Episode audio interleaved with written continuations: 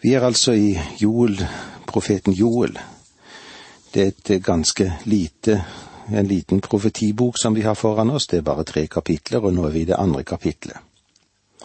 Idet vi går inn i disse versene nå, så kan vi vel si at dommen kommer til å bli anvendt.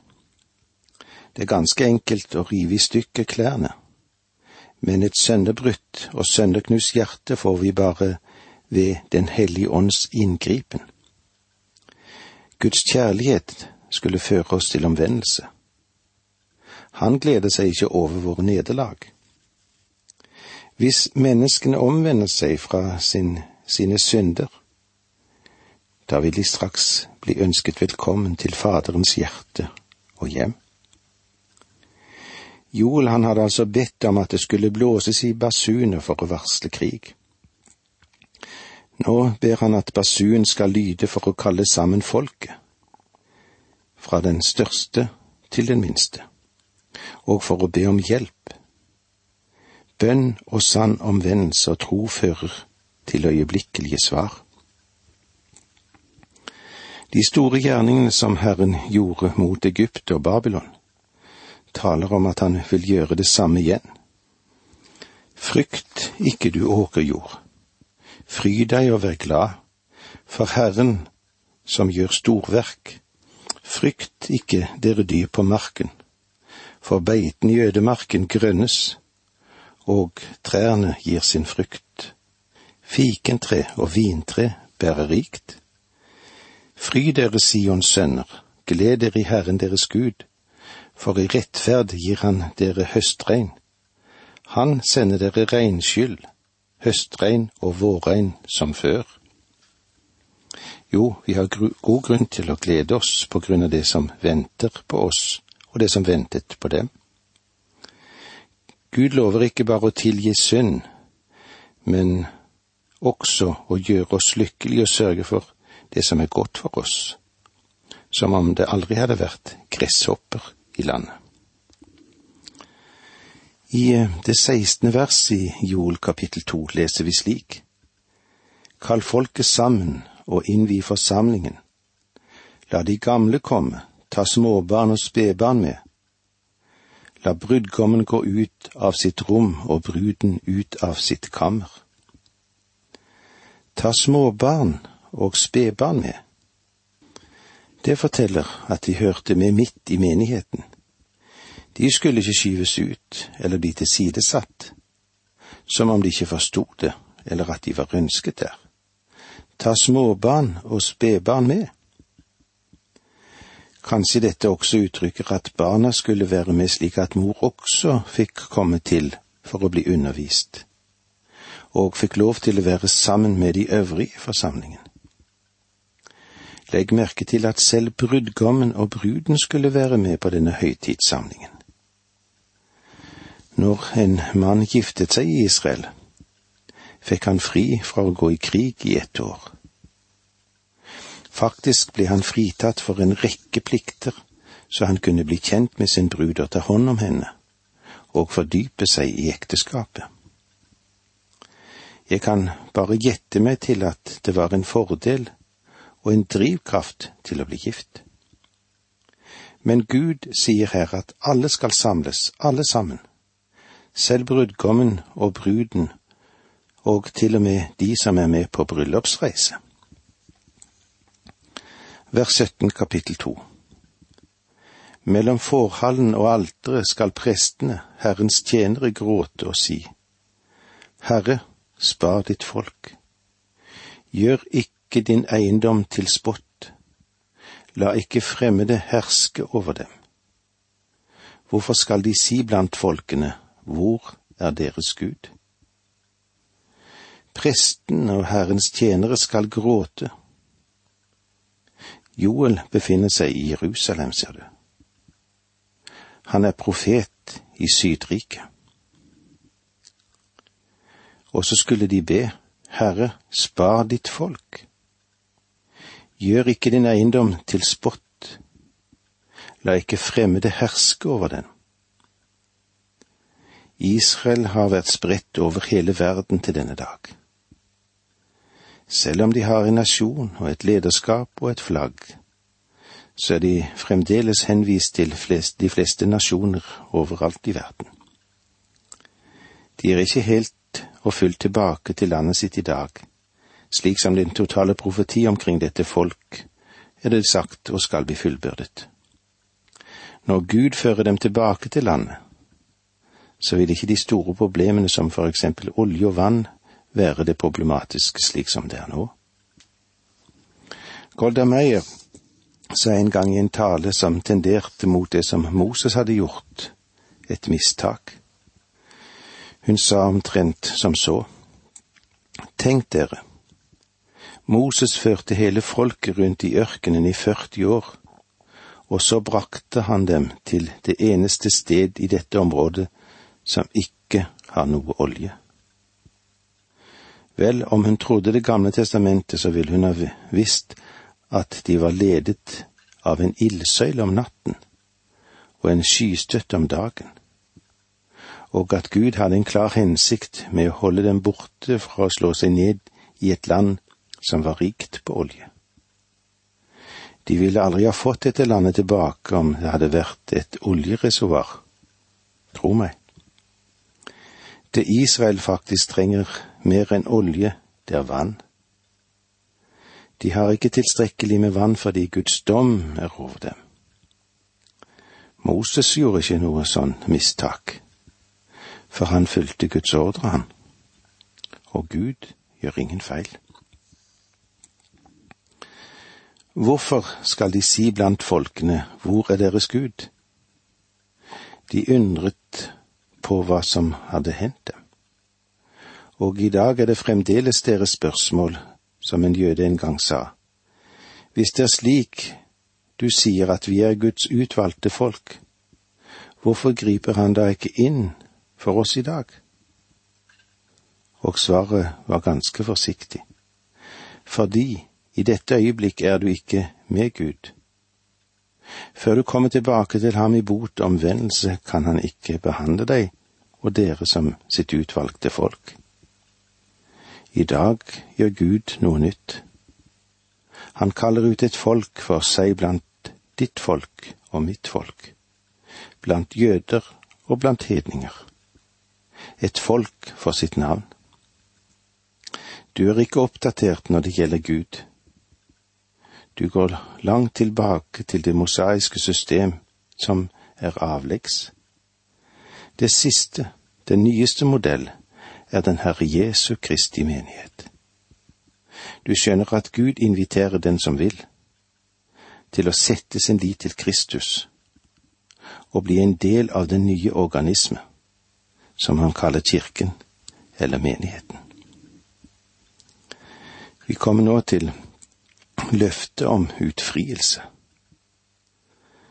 Nå beveger Joel seg absolutt inn i fremtiden. Legg merke til tidsbegrepet da. Det dukker opp flere ganger i dette kapitlet, altså det andre kapitlet, og nå leser vi det attende verset i dette kapitlet. Da ble Herren fylt av brennende iver for sitt land og viste medynk med sitt folk. I talen på Oljeberget i Matteus 24-25 brukte Jesus ordet da han flyttet frem i tid de hendelser som ville finne sted under den store trengsel. Ved slutten av den store trengsel, rett før Herren vender tilbake til jorden, da vil han være fylt av brennende iver for sitt land og ha medynk med sitt folk. I vers 19 leser vi slik, Og Herren svarte sitt folk, Jeg sender dere korn og vin og olje, så dere kan bli mette. Aldri mer skal jeg gjøre dere til spott blant folkene. Da vil Herren øke forsyningene deres. De vil bli tilfredsstilt, og de skal ikke lenger bli trakassert av noen hedninger. Vi vil komme tilbake til dette når vi møtes igjen neste gang, men det var så langt vi kom i dag. Takk for nå, må Gud være med deg. Dette undervisningsprogrammet består av to deler. Åge Nevland fortsetter nå med andre del av dagens undervisning. Vi er i profeten Joel, vi er i det andre kapitlet der, og vi er kommet til løftet om utfrielse. Nå beveger jorda seg absolutt inn i fremtiden, og det vi skal altså legge merke til, er dette tidsbegrepet da. Og dette dukker opp flere ganger i dette kapitlet. I vers 18 leser vi, Da ble Herren fylt av brennende iver for sitt land og viste medynk med sitt folk. I talen på Oljeberget brukte Jesu ordet da for å flytte frem i tid de hendelsene som ville finne sted under den store trengsel. Og ved slutten av den store trengsel, rett før Herren vender tilbake til jorden, da vil han være fylt av brennende iver for sitt land og ha medynk med sitt folk. Vers 19 kapittel 2 Og Herren svarte sitt folk, Jeg sender dere korn og vin og olje, så dere kan bli mette Aldri mer skal jeg gjøre dere til spott blant folkene. Da vil Herren øke forsyningene deres. De vil bli tilfredsstilt og skal ikke lenger bli trakassert av noen hedninger.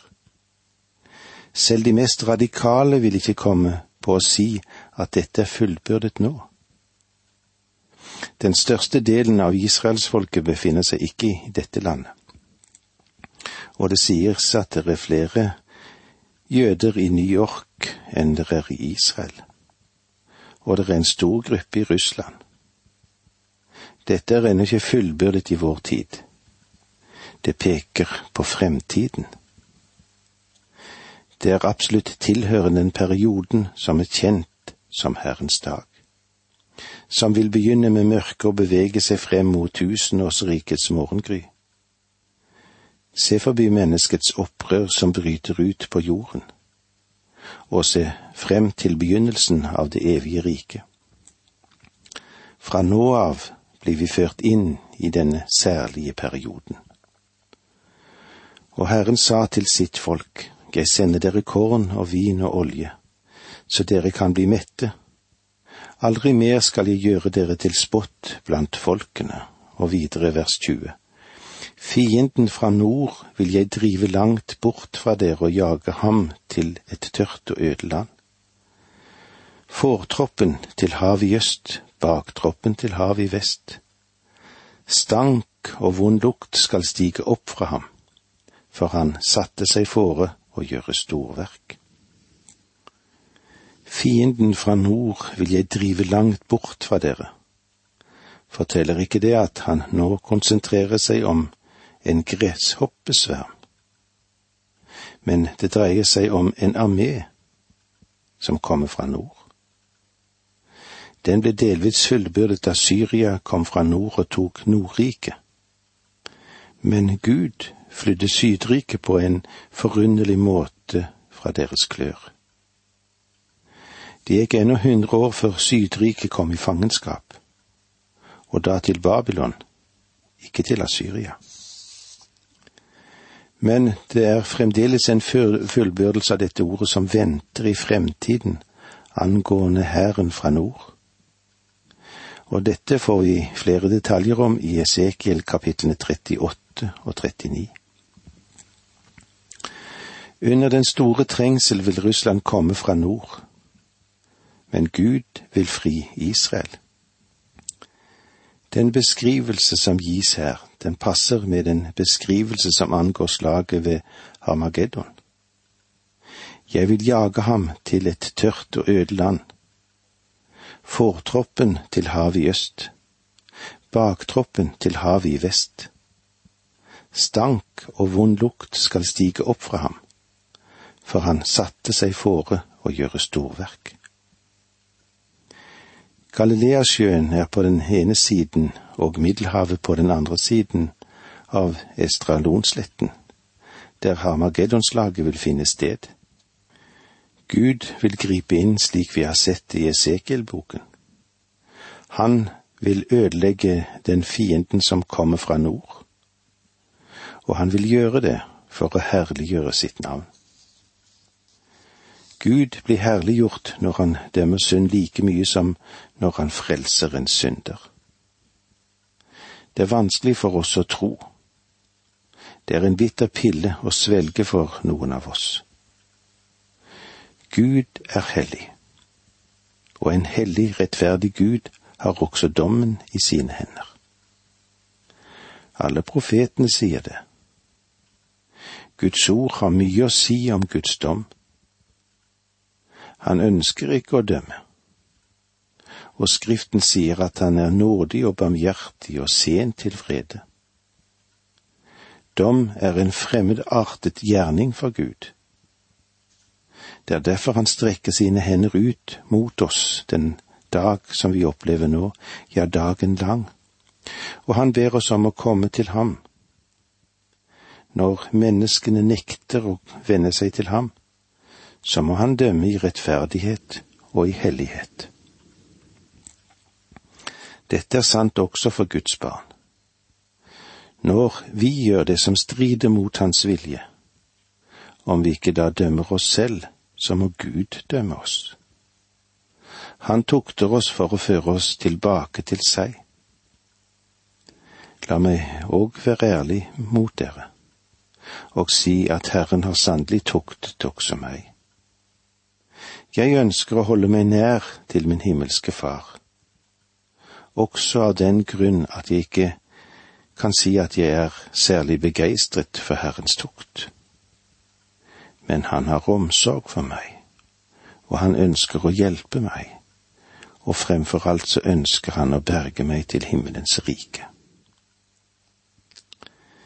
Vi leser vers 21 kapittel 2. Frykt ikke du åkerjord, fry deg og vær glad, for det er Herren som gjør storverk. Den store trengselsperioden vil føre frem til Kristi komme til jord for å opprette sitt rike. I dag er landet fremdeles under en forbannelse. De trenger vann. Landet er ennå et godt stykke fra å være Edens hage. Alle som har reist fra Jerusalem til Jeriko, må erkjenne at det er like ødselig som en ørken. Legg merke til at menigheten ikke er inne i bildet her. Og vi møter heller ikke menigheten i Jesu tale på Oljeberget, og heller ikke i åpenbaringsboken etter kapittel fire. De troende er hentet hjem, og det er ikke lenger noen menighet på jorden og når menigheten kommer til himmelen, så vil den ikke lenger bli kalt kirke. Eklesia, som betyr å være kalt ut. Men språket og symbolet endres, og de troende vil bli kalt Kristi brud. Vers 22 Frykt ikke dere dyr på marken, for beiten i ødemarken grønnes, og trærne gir sin frukt. Fikentre og vintre bærer rikt. Den dagen er ennå ikke kommet. Vers 23 Fryd dere Sions sønner, gled dere i Herren deres Gud. For i rettferd gir Han dere høstregn. Han sender dere regnskyld, høstregn og vårregn som før. Hvem er disse Sions sønner? Selvfølgelig er det folk i Sydriket, der Sion lå. Du og jeg kan synge med glede, vi går nå til Sion. Men vi går ikke til dette Sion her på denne jord. Når det her tales om regn, så er det virkelig bokstavelig regn. I det første verset i neste kapittel sammenligner Joel dette med at Den hellige ånd ble utøst. Men han henviser til regn i dette verset. Den første regnperioden kom i oktober, og den siste kom i april. Det er andre avsnitt i Bibelen som taler om den første og den andre regnperioden, som var vesentlige perioder i Israel. Dette kan vi se flere steder i Det gamle testamentet, men la oss ta med litt ifra femte Mosebok i det ellevte kapitlet, vers 13 og utover. Dersom dere adlyder mine bud som jeg gir dere i dag, og elsker Herren deres Gud, og tjener Ham av hele deres hjerter og hele deres sjel, vil jeg la landet få regn i rette tid, høstregn og vårregn, så du kan høste inn kornet, vinen og oljen. Jeg vil la gresset vokse på marken for budskapen din, og selv skal du få spise deg mett. Men vokt dere vel for å la dere lokke til frafall, så dere dyrker andre guder og bøyer dere og tilber dem. For da vil Herrens vrede flamme opp mot dere. Han vil lukke himmelen så det ikke blir regn, og jorden ikke gir sin grøde. Og dere vil snart gå til grunne i det gode landet som Herren gir dere. Og i Hosea 6,3 La oss lære å kjenne Herren. La oss jage etter å kjenne Ham. Han kommer like visst som lys om morgenen. Han kommer til oss som regnet, lik vårregn som hveter jorden. Og med disse ordene sier vi takk for nå, må Gud være med deg.